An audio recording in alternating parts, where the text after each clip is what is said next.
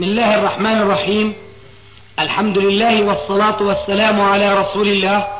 أما بعد فهذا أحد أشريطة سلسلة الهدى والنور من الدروس العلمية والفتاوى الشرعية لشيخنا محمد ناصر الدين الألباني حفظه الله. نسأل الله أن ينفع به الجميع. والآن مع الشريط الحادي عشر بعد المئتين على واحد. الشاهد إذا ما جاءوا مثل هذا المثال. لا شك أنه سيجد بعض المحدثين يضاعفون حديث الثاني فهو سيحار. كيف يستطيع أن يأخذ بحديث يقول يتوضأ وبحديث لا يتوضأ؟ إما أن يجري يرحمك الله. إما أن يجري عملية تصفية ويستريح من أحد الأحاديثين إذا كان هناك مجال من الناحية الحديثية وإلا لابد أن ينتقل من المجال الحديثي إلى المجال الفقهي فيوفق بين الحديثين. وهذا يحتاج بلا شك إلى معرفة القواعد العلمية الأصولية. فإذا كان طالب العلم بهذه المثابة الجواب أنه لا يجب عليه أن يسأل أهل الذكر. لأننا نحن نقول في كثير من أجوبتنا ومحاضراتنا أن ربنا عز وجل في مثل قوله تعالى فاسألوا أهل الذكر إن كنتم لا تعلمون قد جعل, جعل المجتمع الإسلامي قسمين. قسم يجب عليه السؤال وقسم يجب عليه الجواب وليس هناك حل وسط. مرتبة وسطى. إما أهل علم فعليهم أن يجيبوا وإما غير أهل علم فعليهم أن يسألوا أولئك هكذا. فطلاب العلم إذا وصلوا إلى المرتبة أنهم علماء فهؤلاء صاروا علماء وليسوا بحاجة إلى أن يسألوا أهل العلم. وإلا فهم داخلون في عداد الجمهور الذين عليهم أن يسألوا أهل العلم. فمن وجد في نفسه هذه القدرة العلمية لنقل الآن معرفته باللغة العربية معرفته بعلم أصول الحديث والجرح والتعديل معرفته بأصول الفقه وقضى على ذلك شطر من الزمان يختبر نفسه في استنباط الأحكام وعرضها على ما آه، درس من أقوال العلماء الذين اختلفوا في كثير من المسائل. هذا ليس يجب عليه أن يسأل أهل العلم.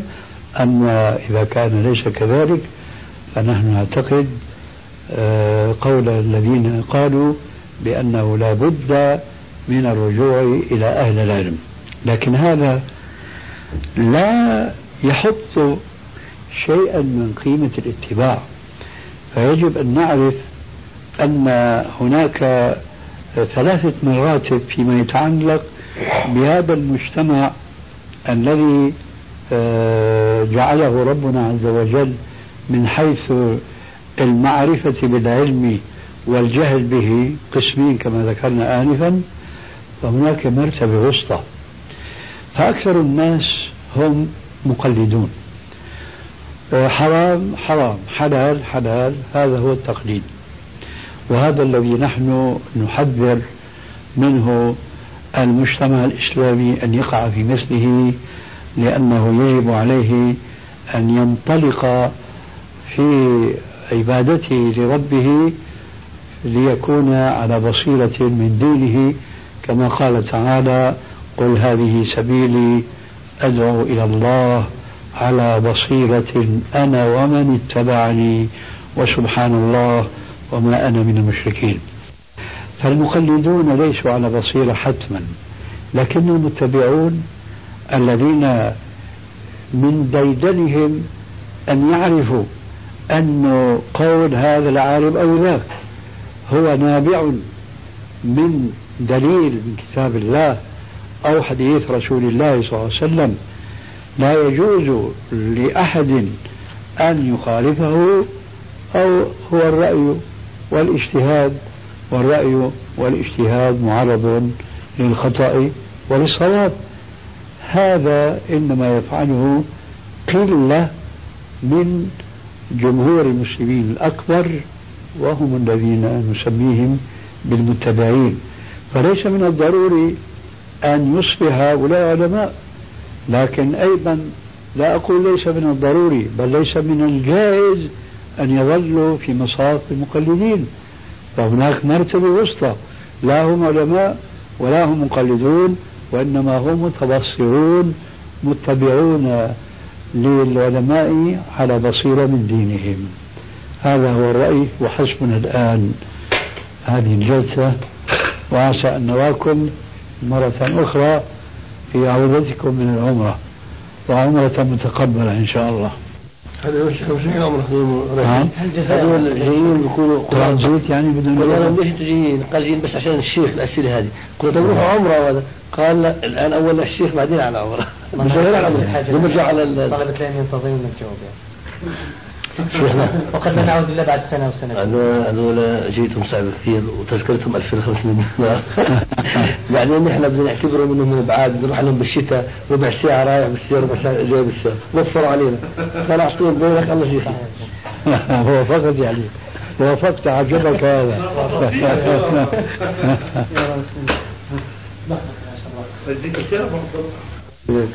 أستاذنا يحكى عنك أنك أجزت أن يباشر رجل تدريس العلوم الشرعية بالنسبة للبنات بشرط أن يكون متزوج بشرط أن يكون متزوجا تقيا دون أن يكون حجاب سافر بينهما.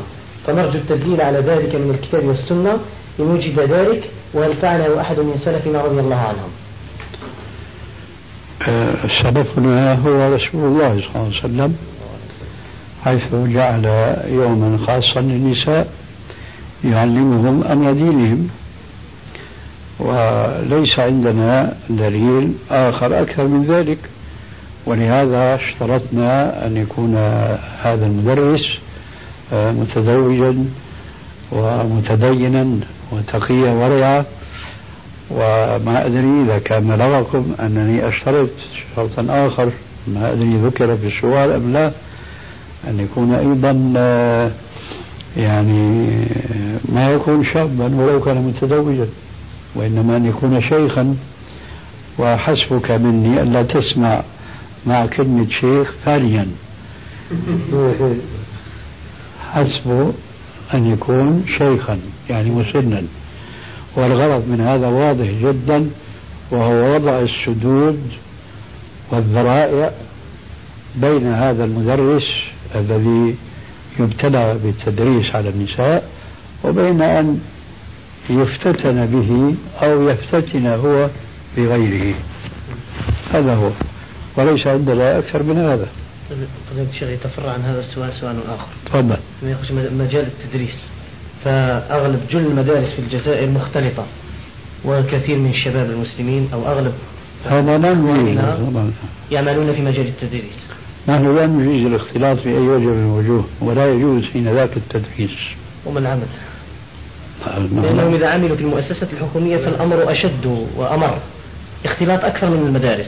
وأيضا علما بأن آه، كانت هناك ثمرة طيبة من من الإخوان فيما يخص دعوة هؤلاء الشباب في المدارس. أنت لما تسألني تقول ما العمل؟ عمل من؟ عمل نحن ماذا نفعل؟ يعني مثلا كأنك تعني أن هناك بعض الشباب الملتزمين أي نعم. وأنهم مبتلون بهذا التدريس. أي نعم. طيب. هل في الإسلام شيء اسمه الغاية تبرر الوسيلة؟ طبعا ما في شيء اسمه. ما في شيء. بس يمكن عند الذين يعملون العمل السياسي في شيء من هذا. أكيد.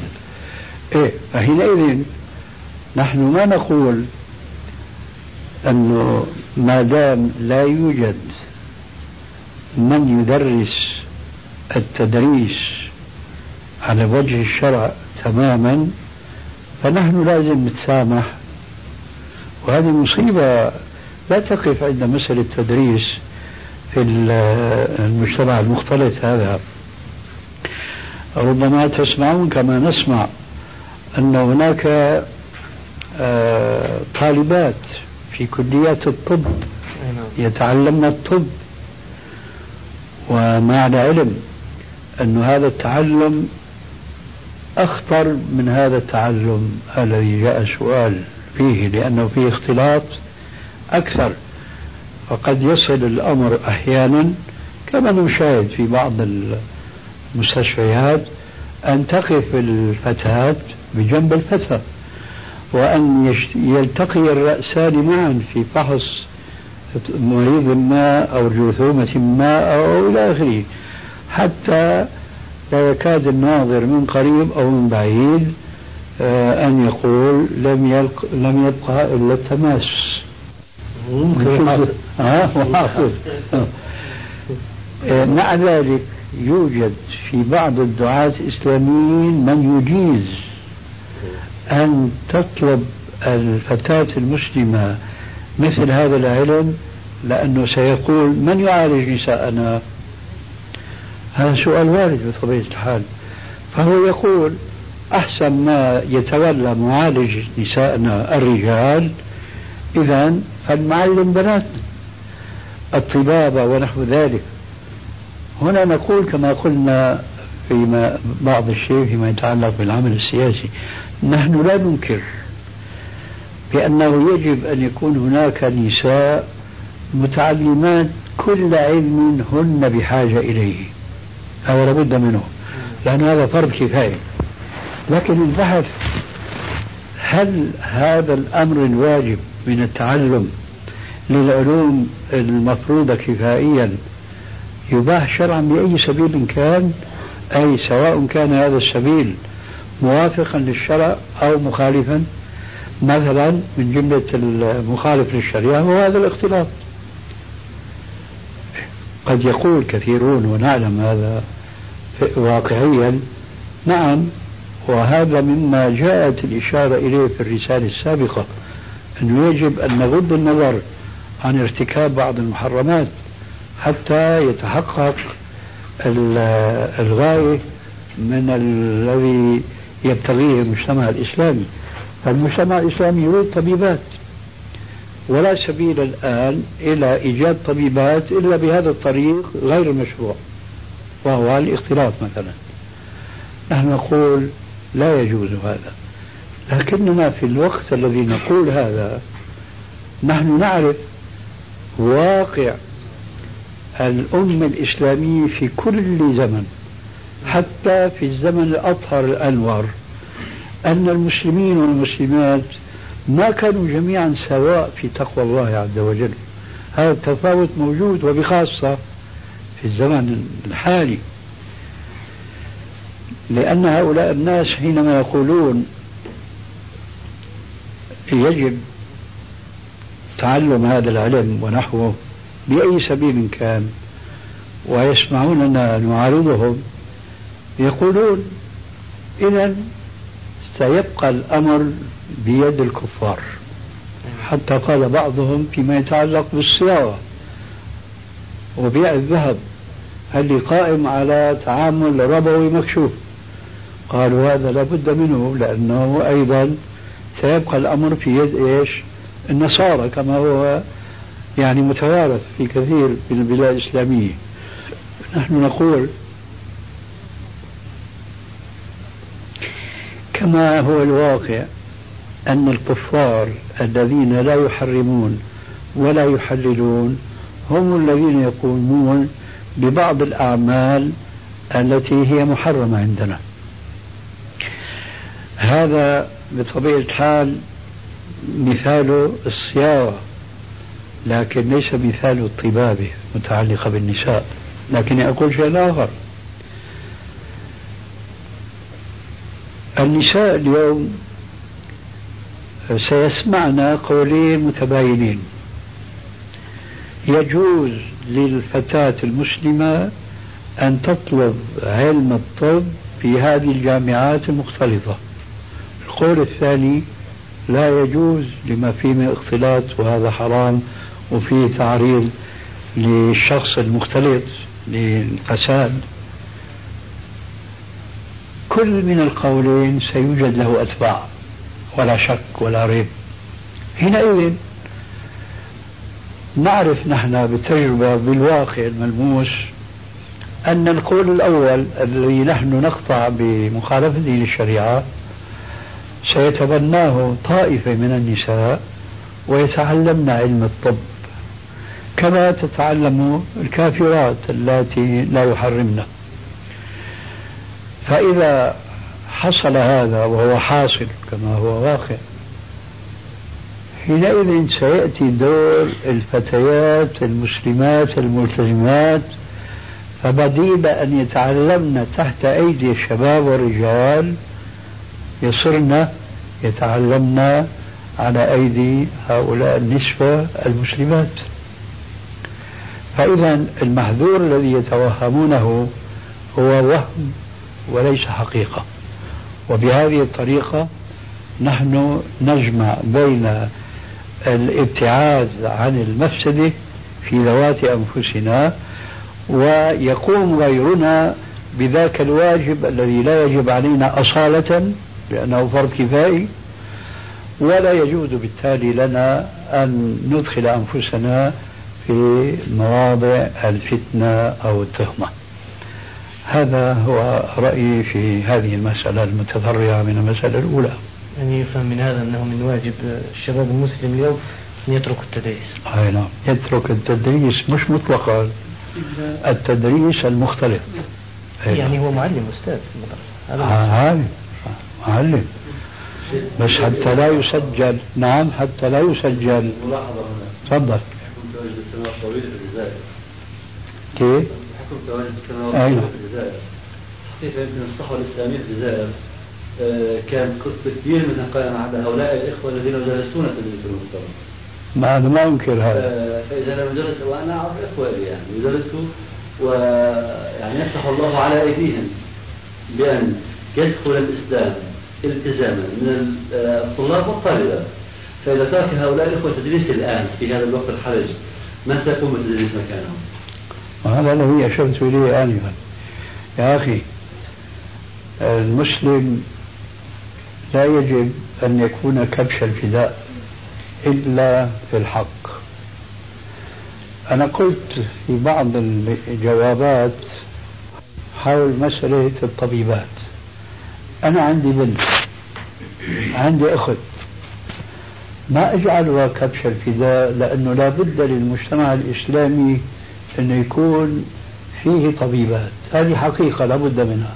صح ولا لا؟ لكن أنا لا أجعل أختي ولا ابنتي كبش الفداء. أي لتحقيق ذلك الفرض الكفائي أنا لا أفادي بابنتي أو بأختي. المواضع التي قد تفتتن في دينها في أرضها في في إلى آخره. فمجال الأمر وأن يقوم به غير ابنتي وغير أختي وغير بنتك وغير أختك واسع واسع جدا. فلماذا نحن نفسح المجال للصالحين والصالحات أن يعرضوا أنفسهم من أجل مصلحة غيرهم؟ مع وجود من يحقق هذه المصلحة كما شرحت آنفا من أولئك الناس إما الذين لا يبادون بالحرام والحلال أو الذين يأخذون فتاوى منحرفة كما أشرنا آنفا أو ينطلقون بناء على هذه الفتاوى. كما يقول العامة في بعض المسائل إيه، نحن بنحطها برابة الشيخ. تسمعون هذا الكلام؟ آه بنحطها برابة الشيخ. لكن نحن لا يجب أن نكون كهؤلاء العامة. فإذا ما اتقينا الله نعم. فإذا ما اتقينا الله في هذا آه. المدرس درس المختلط ويحاول أن يعمل على تقوى الله. إيه، لكن هو المشكلة يا أستاذ أنه هل هو ضامن نفسه لما يلج هذا المولج أنه هو لا يفتتن في دينه؟ قائمة إيه لكنها قائمة قائمة وأنت خارج التدريس غير قيامها وأنت في التدريس. هذه المشكلة.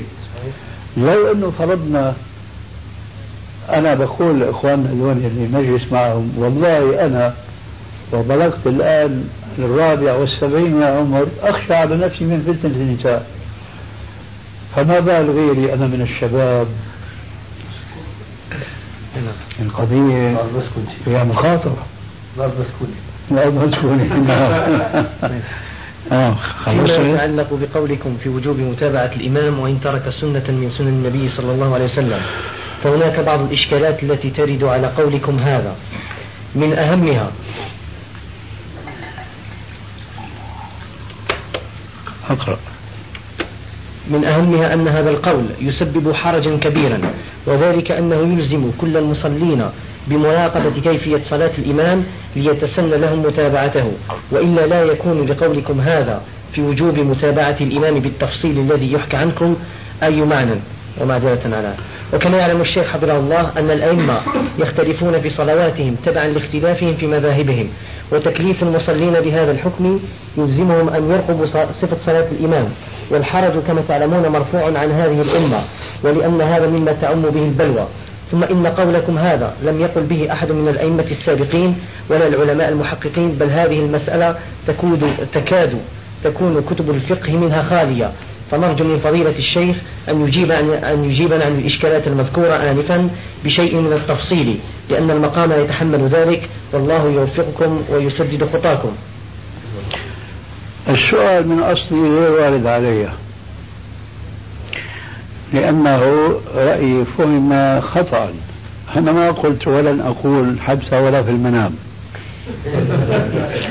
أنه يجب علي أنا الذي أقول بهذا القول أو ببعضه أن نراقب الأئمة. أنا ما أقول هذا. طبعا إشكال شيخنا. نعم؟ وما يقول ان هذا قولك ولكن يقول هذا اشكالا على قولك لا والإشكال قائم على هذا الفهم. اي طبعا صحيح. صحيح على يعني كفهم لكن هو السؤال ليس هكذا. ها هو هكذا السؤال. سمعنا التسجيل. قولي هذا الذي نقلته لا يلزم منه ذاك الحرج المدعى ذلك لأن كل مصل إذا صلى في مسجد ما له حال من حالتين.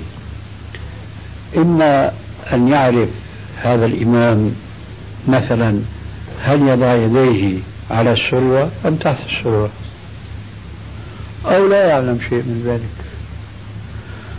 فإذا علم عمل بما يعمل الإمام. تحقيقا لمبدأ إنما جعل الإمام ليؤتم به فلا تختلفوا عليه. وهذا ليس قولا وليس رأيا لي إنما هو نص الرسول عليه السلام.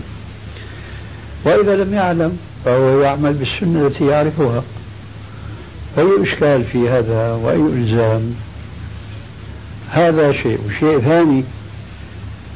في السورة الأولى دخل المسجد وهو يعلم أن الإمام مثلا يضع يده تحت السرة. يعلم هذا.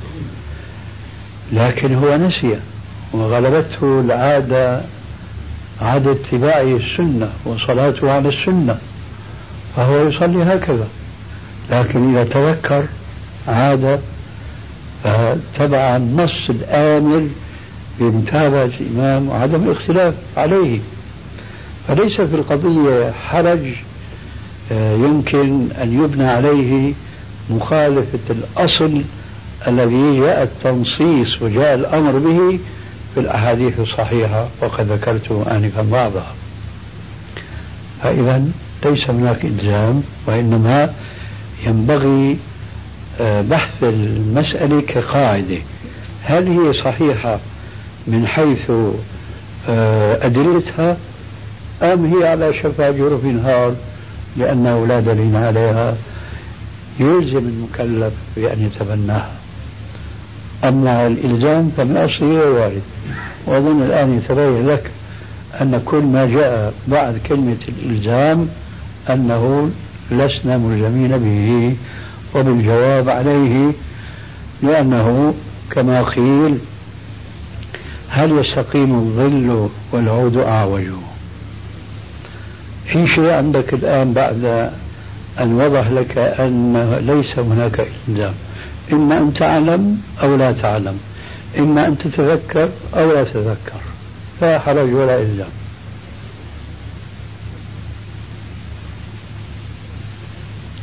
يعني إذا شئت أغلق شو اسمه. وأبحث الموضوع بكل كما يقول عندنا الشام صوت أحمدي. كل صراحة وحرية. في الجزائر. أغلب الأئمة من المالكية. فهم في صلاتهم يسدلون أيديهم.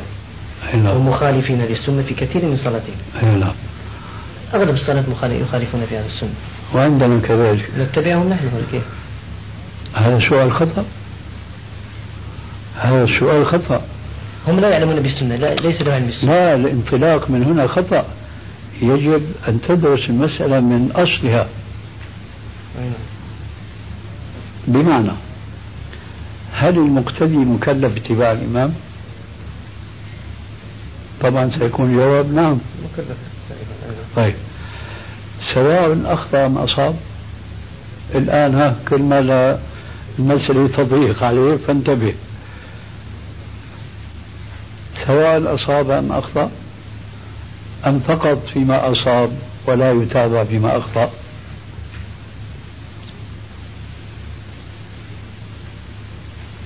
فيما أصاب أو أخطأ. إيه خلاص أنت صرت صرت معنا. لماذا تتابعه فيما أخطأ؟ لأنني مقتدي بالإيمان. لكنه أخطأ.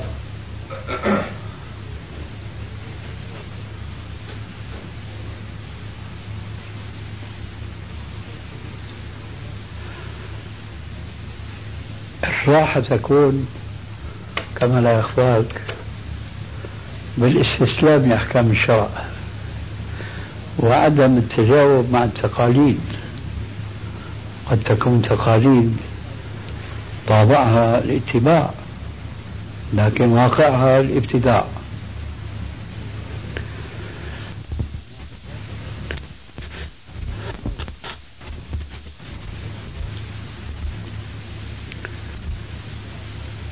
أنت قلت أنه ما أحد من العلماء يعني قال بهذا القول. الحقيقة أنا بقول أنه ما أحد من العلماء قال من الأوقات المكروهة التي تكره فيها الصلاة صلاة النوافل والخطيب يخطب. ما أحد قال هذا الكلام. لكن الأول يقوله. لكن هو حين يقول هذا ما يخالفهم. وهذا من العجائب ليه؟ لأنهم قالوا على اختلافهم طبعا بين الحنفية والشافعية. الأحناف يقولوا إذا صعد الخطيب المنبر فلا صلاة ولا كلام. لكن الشافعي بيقولوا إذا دخل المسجد لازم يصلي ركعتين تحية المسجد. إذا نحن نقول بقول الحنفية إلى حد ما اللي بيقولوا ما في صلاة لكن ما حشروا هذا في الأوقات المكروهة. أوقات المكروهة عند بعضهم ثلاثة وعند آخرين خمسة. والرقمين دون تفصيل لبعض الأوقات من ثلاثة لكن ما حدا قال ستة. لكن أنا بقول ستة. لكن أنا لما أقول بخالفهم أسلوبا. لكن ما بخالفهم عقيدة وفكرا. الآن فيما يتعلق بحديث إنما جعل الإمام يؤتم به. كثيرا ما يقع الآن خلاف. الإمام قام إلى الركعة الخامسة في الرباعية نسي التشهد. قالوا له سبحان الله شيء رجع وشيء ما رجع وشيء بيقول ما بيجوز يرجع. عفوا مو هي السورة تبع التشهد الوسط. بيقولوا بعض الناس إنه إذا قام من السجدة الثانية في الركعة الثانية إلى الركعة الثالثة ونسي التشهد الأول فذكر فرجع إلى التشهد بطلت صلاته. لماذا قال لأنه انتقل من ركن إلى ركن؟ نعم. أي يرحمك الله. نعم. الشاهد نحن نقول أن هذه الحوادث لو قال بخلاف السنة فيها بعض الناس لكن السنة هي إمامنا. والسلف الصالح هم قدوتنا. الرسول عليه السلام لما وضع هذا الحديث وحي من الله إليه هو لحل مشاكل قد تقع. قد وقعت بعض المشاكل في الزمان الأول. يمكن ما تخطر في بالنا أن تقع في هذا الزمن الفاسد.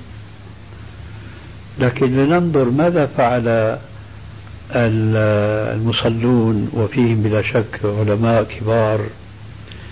في صحيح البخاري ما نذهب بكم بعيدا أن رجلا من الولاة لعله كان في الكوفة الوليد بن عقبة الكوفة؟ الكوفة. صلى بالناس صلاة الفجر. كم ركعة؟ أربع ركعات. اليوم بناء على عدم الإيمان بهذه القاعدة التي يقول بها الألباني. ويظن أنه لا يقول بها أحد. إذا رأينا الإمام صلى أربع ركعات صلاة الفجر شو بنساوي نحن؟ بنتابعه؟ كواقع كثقافة عامة نتابعه ولا ننوي المفارقة؟ لا نتابعه طبعا لأنه معلوم يعني يقينا صلاة الفجر ركعتين. قام يا أخي صلى ركعة ثالثة والله سهيان طيب الرابعة ما بالها. كمان ما انتهت المشكلة. بعد ما صلى أربع ركعات وسلم قال لهم أزيدكم؟ تتصور وقوع هيك حادث اليوم؟ أنا ما بتصور. طيب. كان كان شارب. آه بتصور كان غير شارب. يفعل هذا. ما أحد أعاد هذه الصلاة. وما أكتب من حقيقة. ممكن بعض الناس بيروحوا على البيت وبعيدوا الصلاة. ممكن هذا. لكن هل يجب عليهم؟ لا. لماذا؟ لأن الرسول حينما قال إنما جعل الإمام يؤتم به فإذا كبر فكبروا إلى آخر الحديث وإذا صلى قائما فصلوا قياما وإذا صلى جالسا فصلوا جلوسا أجمعين. في الرواية الأخرى فلا تختلفوا عليه. يريد بهذا آه، طمس معاد الفتنة قد تقع من جراء مخالفة الإمام. فالرسول عليه السلام كما تعلمنا منه في غير هذه الحادثة يدفع الشر الأكبر بالشر الأصغر. هذه قاعدة نفهمها من أحاديث الرسول عليه السلام. منها هذا الحديث فلا تختلفوا عليه. كيف يا أخي هو بيصلي هيك؟ والله أنا صليت ورا بعض أئمة في السعودية حيث أنتقده حيث يضع يديه بعد رفع الرأس من الركوع على الصدر. أنا أقول هذه بدعة وقد فعلتها. تصدق ولا ما تصدق؟ بكيفك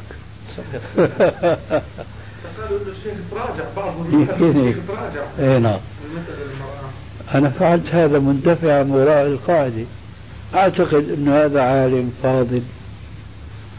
وإنه يسعى وراء معرفة الحق مثلي أو ربما أحسن مني. فأنا ما بهدر قيمة اقتدائي به في جزئيه من هذه الجزئيات. أنا بتابع. ليس لأنه هو على صواب في هذا. هو كما قلت أنت تتبعه وهو مخطئ. لماذا؟ تحقيقا لمبدأ إنما جعل الإمام يؤتم به. ثم لو هؤلاء الأئمة الذين أنت تشير إليهم انتبهوا إلى هذه القضية ترى ما عاقبتها؟ أهي أن يقتلبوا منكم أم أن ينفروا عنكم؟ تكفي هذه الفائدة لهذه الجزئية أنها تجلب. نعم. الكفر الأئمة لو ينقصهم نعم. هذا صحيح. لكن نحن الآن نتباحث لنبين أن السنة كما قال عليه السلام تركتكم على بيضاء نقية ليلها كنهارها. في الحديث الآخر ما إن تمسكتم بهما لن تضلوا أبدا. كتاب الله وسنتي فإذا القضية يجب أن تبحث كقاعدة. إنما جعل الإمام ليؤتم به. بعدين ما بيهمنا نحن نستسلم لنتائجها. ما دام الأصل صحيح فما بني على صحيح فهو صحيح. وما بني على فاسد فهو فاسد. يكفي؟ شيخنا ما شاء الله. شو رأيك؟ أنا أنا أنا بأخذ برأيك شيخنا. هذا تحمل اثقال شيخ شيخنا هذه خطا سيبك من الساعة شيخنا في الموضوع هذا إيه. أحيانا جزاك الله خير سمعت من خلال الحديث في هذا المجال اللي نتحدث فيه. إيه، نعم. يعني الواحد بيروي غليله. تذكر شيخنا في هذا المجال بتذكر الموضوع هذا. كلام زي ما تقول بنطر شوية من الطرف الثاني بتقول إذا كان أقام دليل ونصح الإمام وبين له الحق فبكون فيها وجهتين نظر وجهة نظر الاتباع وجهة نظر أنه قام بالواجب اللي عليه. وإذا كان رجل الإمام هذا مكابر في هذا المجال ولا هو يعني هات لنا لقطة من اللقطات الحلوة؟ بس ماني شاعر إنه هذا في هذا شيخ مش هذا صاحب نفسي أنا اللي عارف كاتب الأسئلة. آه. ذكر لك هو تذكر مراد؟ أكيد ما كان امبارح لا لا مراد الاحمدي هذا الأخ الجزائري. آه لا ما اذكره آه، عند المرة السابقة. أمم، أي هذول من نعم. الشباب اللي يعني ما شاء الله. متمكنين هناك. أي نعم. هذول مشتركين فيها هو شو اسمه الثاني؟ يا أبو حسين؟ عز الدين. أيوه. هو كتبتهم هذه الأسئلة. على كل حال الأخ ابو عبد الله بذكرني بجانب مما يتعلق بهذا الموضوع. وفعلا يعني قد يكون يعني بلسم لبعض الجراحات.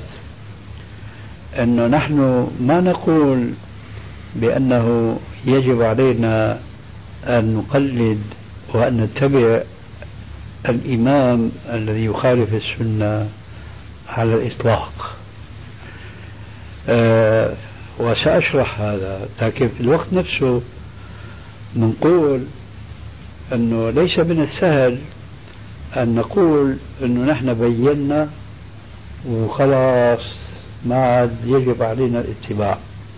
لأنه أيضا هذه نقطة حساسة في الموضوع. إذا افترضنا إماما أنت تعرفه جيدا. ونصحته بأن يتبع سنة القبض والوضع. وأتيته بكل آية. أي بكل حجة مبينة.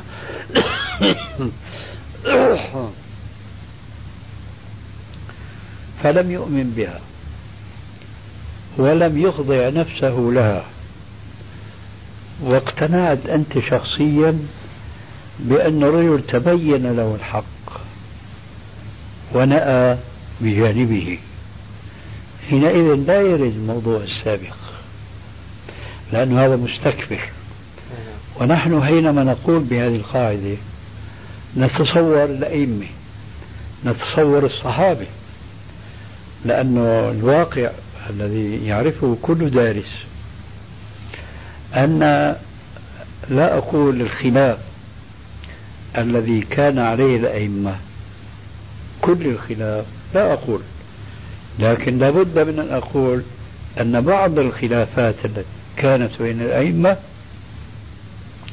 هي من الخلافات المتوارثة والمنقولة عن السلف الأول ألا وهم الصحابة. إذ الأمر كذلك. فنحن الآن نتصور إمامنا يومئذ عبد الله بن مسعود يصلي بالناس ولا يرفع يديه. لا نستطيع هنا أن نتصور أنه رجل جاهل. أنه رجل متعصب لمذهب لأنه ما عنده متبع وغير رسول الله صلى الله عليه وسلم. لكن هو هيك مقتنع.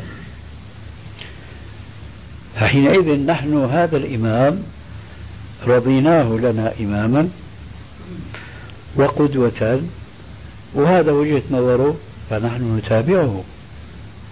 ولا ينقص من صلاتنا أي شيء إطلاقا. وهذا تماما كما نقول بالنسبة لا تصوموا يوم السبت. يتوهم بعض الناس أننا إذا تركنا صيام يوم السبت لمصادفته ليوم عاشوراء أو ليوم عرفة أو نحو ذلك أننا خسرنا فضيلة صوم أحد اليومين هذول هل صادف أحدهما يوم السبت؟ لا نحن ما خسرنا. نحن ربحنا ربحين. الربح الأول أن خضعنا أو أخضعنا قلوبنا ونفوسنا لقول نبينا لا تصوموا يوم السبت إلا فيما افترض عليكم ولو لم يجد أحدكم إلا لحاء شجرة فليمضغه نحن إذا اتبعنا هذا الحديث لأن صيام يوم عرفة وصيام آه، يوم عاشوراء ليس فرضا. وإنما استثنى الرسول عليه السلام صيام الفرض. إذا صادف يوم السبت جاد ما سوى الفرض نهينا عنه. فانتهينا. ترى حينما انتهينا خسرنا صوم يوم عرفة أو صوم يوم عاشوراء نقول نحن لا. نحن ربحنا ربحين. ربح فيما يبدو بادي الرأي لا نستحقه. الربح الآخر واضح لأننا تبعنا الشرع ما صمنا. لكن الربح الآخر آه، مضمن في مثل قول عليه السلام من ترك شيئا لله عوضه الله خيرا منه. فنحن تركنا صوم يوم عرفة لمطابقته يوم السبت. ما خسرنا صيام يوم عرفة. لماذا؟ لأننا تركناه لله. فالله يعوضنا خيرا منه. كذلك يقال من باب أولى عن صيام يوم عاشوراء. أيضا هنا نحن حينما نتبع الإمام ضيعنا سنة الوضع أو سنة الرفع مع التكفيرات ما ضيعنا؟ لأنه نحن اتبعنا ما هو أوجب علينا. إنما جعل الإمام ليؤتم به. إنما جعل الإمام آه، فلا تختلف ليؤتم به فلا تختلفوا عليه. نحن اتبعنا أمرا وماذا فعلنا هنا؟ ضيعنا سنة. الثواب ثواب الواجب أعلى بكثير من ثواب السنة. فإذا نحن رابحون دائما وأبدا مهما كان الإمام يخالف السنة في وجهة نظرنا. ضربت مثالا عاليا الآن وهو ابن مسعود. انتقل رأي ابن مسعود إلى علقمة مثلا. يعني هو روى الحديث عن ابن مسعود أنه رأى الرسول لما دخل في الصلاة رفع يديه ثم لم يعد علقمة تلميذ ابن مسعود صلى بنا إماما ما رفع يديه. ما بنظر نقول هذا رجل جاهل رجل معادي للسنة وإلى آخره. وكما يقولون في الشام بلا طول سيرة بقى يجينا لآخر الزمان. هذا الإمام بيسد اليدين ليه؟ نكاية في السنة؟ لا وإنما وهما منه أنه الإمام يقول هكذا فهو يصلي على صلاة هذا الإمام. وقس على ذلك كل المقلدين اليوم. فحينما نحن نتابع هؤلاء الأئمة لا نتابعهم باختصار لذواتهم وأشخاصهم وإنما لأنهم يمثلون أئمتهم السابقين. فالحنفي اليوم حتما أنا أعلم أنه يمثل أبا حنيفة وأبو حنيفة يمثل آه، ابن مسعود في هذه الجزئية وهناك جزئيات في العشرات والمئات إلى آخره. فإذا في صورة ما تبين لنا أن هذا الإمام معاند مكابر بعد أن بينا له السنة وأقمنا عليه الحجة واقتنعنا بأنه فهم مش ما فهم ككثير من العامة فهم تماما لكن إما بلسان حاله وإما بلسان حاله وقاله قال إنا وجدنا آباءنا على أمة. هنا صلي صلاتك. ولا تصلي صلاته لأنه معاند مكابر ونحن لا نتصور ابن مسعود ومن تلاه في اتباعه هو كذلك. هذا الذي يشير إليه أخونا أبو عبد الله جزاه الله خير. لكن لكن أرجو التدقيق في موضوع من الذي يقيم الحجة كما جاء في سؤالك الأول؟ من طلاب العلم. أيوة الأقوياء نعم. آه. طيب. أقمنا في مسجدنا مكتبة صوتية تحوي أشرطة لعلماء الدعوة السلفية وذلك حتى يتسنى للأميين خاصة والشباب عامة التعرف عن هذه الدعوة المباركة الطيبة. وجعلنا لمن يريد أن يشارك في نشاط هذه المكتبة والتسجيل فيها أن يدفع أجرا زهيدا كحق للتسجيل أولا. وأن يدفع على كل شريط يستعيره أجرا أزهد من الأول لمن كان في مقدوره ذلك وذلك حتى يتمكن القائمون على هذه المكتبة القيام بمصاريفها ولأن تسجيل الأشرطة يكون داخل المسجد وبواسطة الإمكانات الموجودة في المسجد وهي داخلة في نطاق مساعدة هذه المكتبة ووجدنا إقبالا منقطع النظير وبخاصة في الإقبال على أشرطة الشيخ حفظه الله فهل يجوز هذا العمل؟ وبخاصة دفع حقوق التسجيل والإعارة. أقول هذا العمل يجوز والله أعلم لسببين اثنين مع قيد لابد من ذكره. السبب الأول أن المنهي في المسجد هو البيع والشراء وهنا لا شيء من ذلك. ثانيا النهي عن البيع والشراء في المسجد أمر معقول المعنى ليس أمرا تعبديا غير معقول المعنى. آه، يشير إلى ذلك قول عليه السلام لمن آه، سمع من يشهد ضالة في المسجد لا رد الله عليك ضالتك إن المساجد لم تبنى لهذا. لا أربح الله تجارك لا أربح الله تجارك. لمن قال إن المساجد لم تبنى لهذا؟ صحيح الشيخ الضال هذا تجارة. الشيخ يقول بالنسبة للضال. أي نعم. الكلام اللي قلته أنت بالبيع أنا رأيت حديث الضال. الشاهد فهناك أحاديث تنهى عن وجدان الضالة وأحاديث تنهى عن البيع والشراء في المسجد. هي معقولة المعنى وليست تعبدية. ما هي معقوليتها؟ من معقولية قوله عليه السلام في الحديث الصحيح الذي رواه الإمام مالك في موطئه وأبو داود في سننه وغيرهما أن النبي صلى الله عليه وسلم سمع لجة أو ضجة في المسجد يوما وهو في بيته فكشف الستارة وقال يا أيها الناس كلكم يناجي ربه فلا يجهر بعضكم على بعض بالقراءة وفي رواية بالقرآن. زاد غير من ذكرنا ألا وهو البغوي فتؤذوا المؤمنين. لا يجهر بعضكم على بعض بالقراءة فتؤذوا المؤمنين. فإذا فتح باب البيع والشراء في المسجد انقلب المسجد إلى سوق وخرج عن الغاية التي من أجلها بنيت المساجد وصار هناك تشويش بالغ التأثير أكثر بكثير من تلاوة القرآن برفع الصوت حيث جعل الرسول عليه السلام رفع الصوت بالذكر لله وتلاوة كتابه مؤذيا للمصلين. فالبيع والشراء يؤذيهم بلا شك أكثر وأكثر.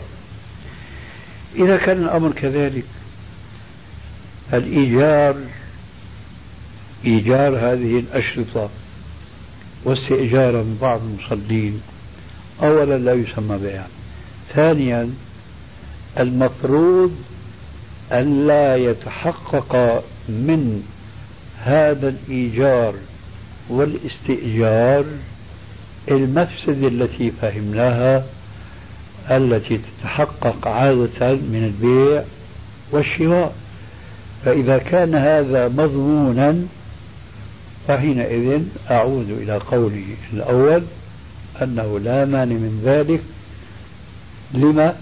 لأنه لا يخالف نصا ولأنه لا يخالف الغاية من النص الذي شرحناها آنفا. بعبارة أوجز إذا كان الإيجار والاستئجار إذا صح التعبير بلغة الخرسان. بلغة الخرسان. تعرفون الخرسان؟ الأخرس الذي لا ينطق. الأبكم بلغة الخرسان أوروبيون مع الأسف يعرفون هذه اللغة وهي بلا شك تفيدهم وتوفر عليهم أشياء كثيرة وكثيرة جدا. حيث يضعون لك سعر البضاعة فأنت تأخذ البضاعة وتلقي إيش؟ الثمن بالخرساني. ما فيش كلام. فإذا كان بهذه اللغة فلا شك أنه يجوز. أما قديش وما قديش وكثير وقليل وراعونا ونحن فقراء ومساكين ما يجوز طيب. جاء نهي النبي صلى الله عليه وسلم أن يكون المسلم جابيا أو شرطيا عند أئمة الجور. فالرجاء من أستاذنا حفظه الله. لا تقول الجور الجور. عند أئمة الجور. فالرجاء أيوه. من أستاذنا حفظه الله أن يشرح لنا هذا الحديث مع بيان وجهه وكيفية تطبيقه في عصرنا الحاضر. الحقيقة أن هذا الحديث أنا أفهمه على أنه مساعدة من هؤلاء الموظفين في هذه الوظائف مساعدة منهم لأئمة الجور على جورهم. فإن كان الأمر كذلك ممن يتوظف في شيء من هذه الوظائف الأمر لا يحتاج إلى شرح وبيان.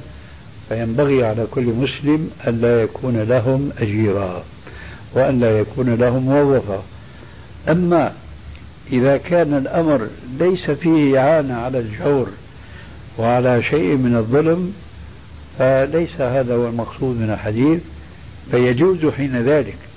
أما أنا شخصيا فلا أعتقد أن الأمر يخلص وينجو من الجور.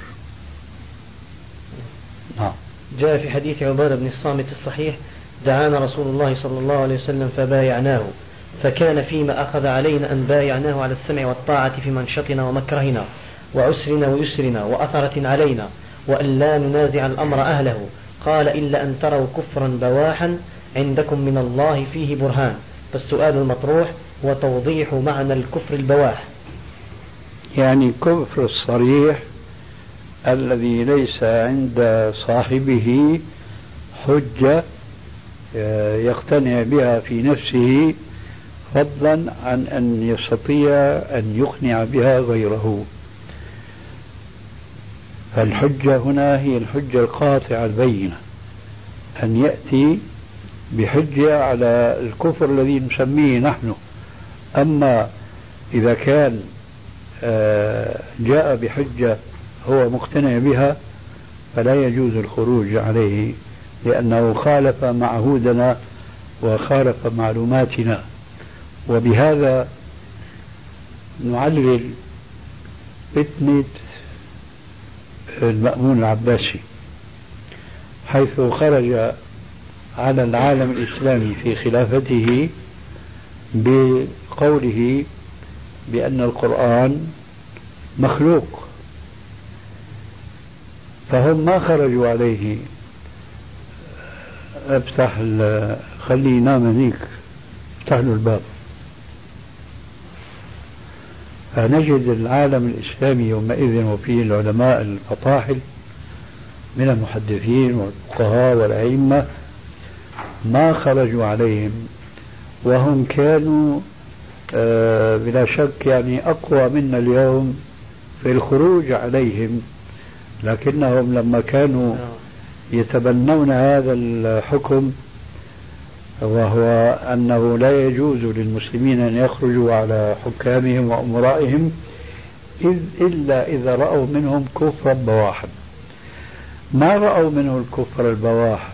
لأن الكفر البواح يمكن أن نفهمه بما يعبر عنه بعض العلماء في بعض المناسبات بما كان معلوما من الدين بالضرورة. يعني حكم يشترك في معرفته الخاصة والعامة العالم والجاهل. فإذا أعلن الحاكم يوما ما استباحة أمر مقطوع تحريمه مثلا من الدين بالضرورة حينئذ تسقط البيعة التي بويع بها لأنه ارتكب كفرا بواح صريحا. أما مسألة خلق القرآن صحيح أنها خطأ بلا شك لكن وين الدليل؟ علماء السلف الصحابة الأولون ما تكلموا في هذه القضية. لكن لما آه، خرجت المعتزلة بهذه العقيدة الباطلة المنحرفة طبعا عن الأدلة الشرعية وقالوا أنه كلام الله مخلوق اضطر علماء السنة وبخاصة منهم علماء الحديث أن يقابلوا هذا القول بنقيضه وهو صواب وأن يقولوا كلام الله صفة من صفاته ولا يعقل أن يكون مخلوقا. لكن هذا أشبه شيء بما يسمى بعلم الكلام. ولنقول عبارة أخرى أشبه شيء بالفلسفة. من يفهم أن هذه صفة وصفة تبع للذات والذات قديمة فالصفات قديمة فيلزم منه أنه الكلام إذا ما هو مخلوق لأنه هذا صفة للخالق هذه أمور اجتهادية استنباطية. وليست كل الأمور الاجتهادية الاستنباطية باطلة ولا هي كلها صواب. لكن يختلف الأمر بين ما هو منصوص عليه وبين ما هو بطريق الاجتهاد والاستنباط. لذلك نجد العلماء يومئذ ما قابلوا ضلالة المهدي بالخروج عليه لأنه صحيح جاء بأمر منكر لكن ما جاء كفرا بواحا. ولذلك لقوا ما لقوا من التعذيب والسجن وربما الموت والقتل وما خرجوا عليهم. وهنا الآن نحن بعد أن تبين لنا ما هو الكفر البواح وضربنا بعض الأمثلة. ما فائدة فهم هذا الحديث في هذا العصر حيث لا بيع؟ حيث لا بيع. أنا أعتقد أن الذين يثيرون هذه هذا السؤال وأمثاله هم من الجماعة الخوارج المحدثين. هم يحملون الفكر الجديد الذي تبنته جماعة آه، سموا بحق أو بباطل بجماعة الكفر والهجرة. نعم؟ تكفير والهجرة. آه. هؤلاء يريدون أن تتمة الكلام في الشريط التالي. من كثير من حكام المسلمين. إذا يجوز الخروج عليهم. نحن بنقول لهم في الأصل أنتم ما بايعتوا. المسألة أهون مما يتصورون لكنها أخطر مما يزعمون. يعني من زاوية هي أهون ومن زاوية أخطر. في الأصل ليس هناك إمام بويع لحتى نسحب البيعة وقد رأينا إيش؟ الكفر بواع